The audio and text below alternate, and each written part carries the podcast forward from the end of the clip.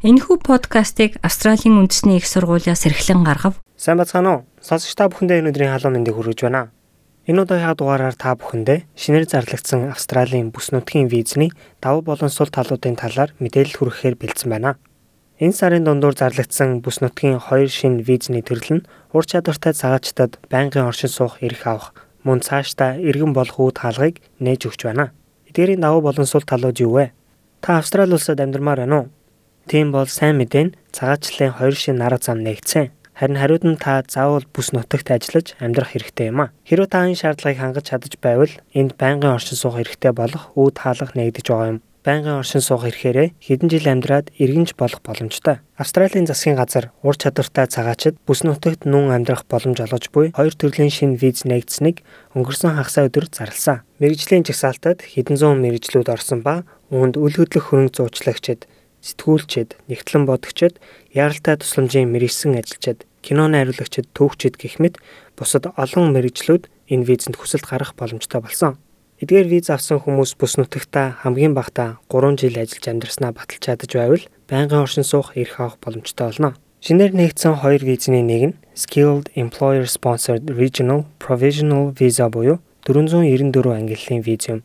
Энэ нь ажил олгогч спонсорлсон ур чадвартай бүс нутгийн виз гэсэн үг. Өөрөөр хэлэх юм бол ажил олгогч ивент итгэсэн ур чадвартай цагаачтад зориулсан виз юм а. Шинэ визний нөгөө төрөл нь Skilled Work Regional Provisional Visa буюу 491 ангиллын виз юм. Энэ нь ур чадвартай бүс нутгийн ажлын виз гэсэн үг. Австралийн аль нэг мууж эсвэл бүс нутгийн засгийн газраас өргөгдсөн эсвэл гэр бүлийн гишүүн спонсорлсон хүмүүст Австралийн бүс нутагт ажиллаж амьдрах эрх олгох виз юм а. Тэгвэл шинээр гарсан эдгээр визнүүдийн давуу талууд нь юу юм бэ? Засгийн газар Австралийн бүс нутгийн тодорхойлолтоо саяхан өөрчилсөн. Үүнд Сидней, Мельбурн, Брисбен хотуудаас бусад бүх хэсэг цагаачлалын зорилгоор бүс нутагт тооцогдохоор болсон. Тэгэхээр ур чадвартай цагаачид Сидней, Мельбурний ойролцоох дагуул хотууд болох Wollongong, Newcastle эсвэл Geelongд оршин суух боломжтой болж байна. Өөр нэг сонголт нь Brisbane хотоос 1 цагийн зайтай Gold Coast байж болно. Цагаачлалын агентлагийн Juan Rincon эдгээр хотод шинэ өөрчлөлтөөр эрэг үр дүнд хүрнэ хэмээн SBS-ийн Спани хэлний хөтөлбөрт хэлсэн юм а. Бүс нутгийн цагаачид мөн Medicare авах эрхтэй тул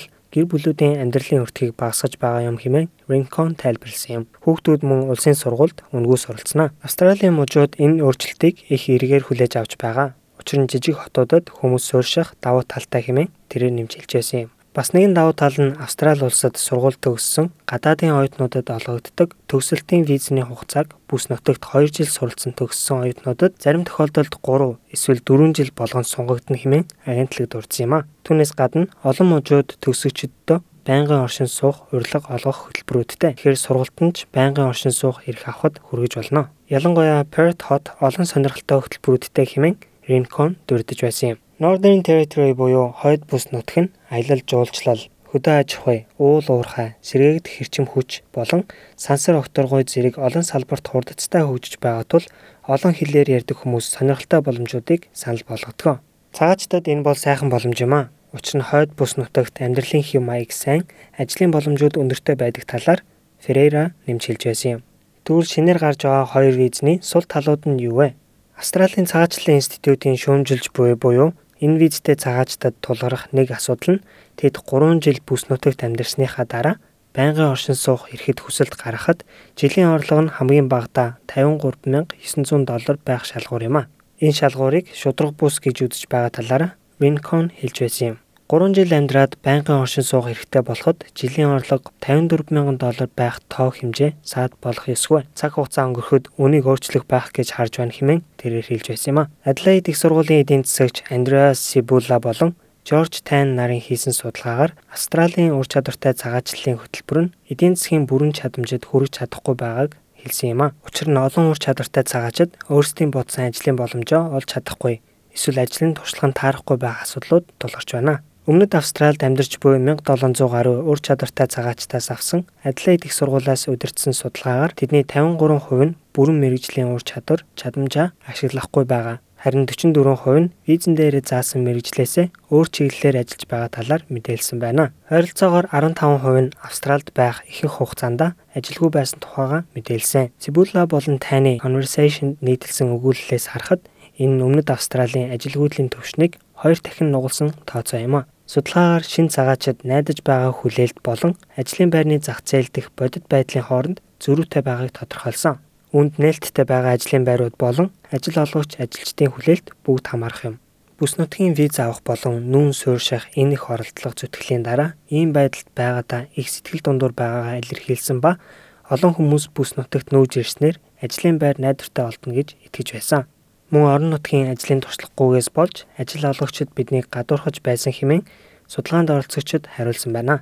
Австрали улсад амьдарч буй соёл шашин шүтлэг хилээрээ ялгаатай олон цагаачид зарим бүс нутагт ялгуурлан гадуурхах тохиолдол байгааг мэдээлдэг. Энэ бол цагаачлалын зөвлөх Rincon ирдэг олон гомдлуудын нэг юм а.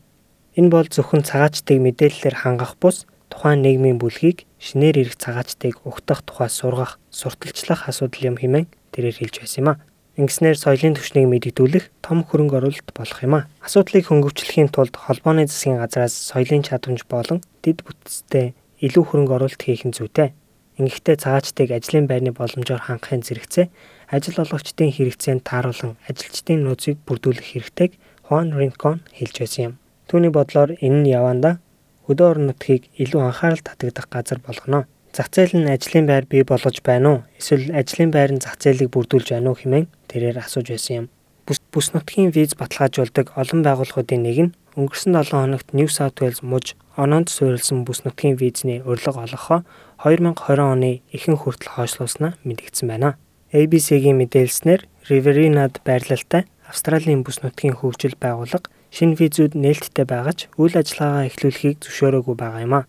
New South Wales мужийн сангийн яамны төлөөлөгч ABC-д New South Wales мужийн захиргаа шинэ визний урилга олгох асуудлыг анхааран ажиллаж байгаа бөгөөд тохирсон цаг нь ирэхэд мэдээлэл хийнэ гэж хэлж байсан юм. Энэхүү дугаар маань та бүхэнд таалагдсан гэж найдаж байна. Дараагийн дугаараар удахгүй уулзцаая. Монгол өв уламжлал Монгол гэсэн өрмөц онцлогоо бид хэрхэн хадгалах вэ? Австралийн тэргуулах зэргийн их сургууль болох Австралийн үндэсний их сургууль нь монгол хэлний онлайн курсыг танд санал болгож байна. Монгол хэлийг сурснаар танд өөрийн сурлага, ажил мэргэжилдээ цааш дахин дэвших боломж гарах болно. Монгол хэлийг бүх шатнд сурч болохоос гадна та хаанч амьдардаг байсан зайнаа сурах боломжтой юм. 2020 оны эхний улирлын эсэлд 12 сард эхлэх болно. Дэлгэрэнгүй мэдээллийг Asia Pacific цэг, ANU цэг, EDU цэг, AU зураас Languages холбоосоор орж авна уу?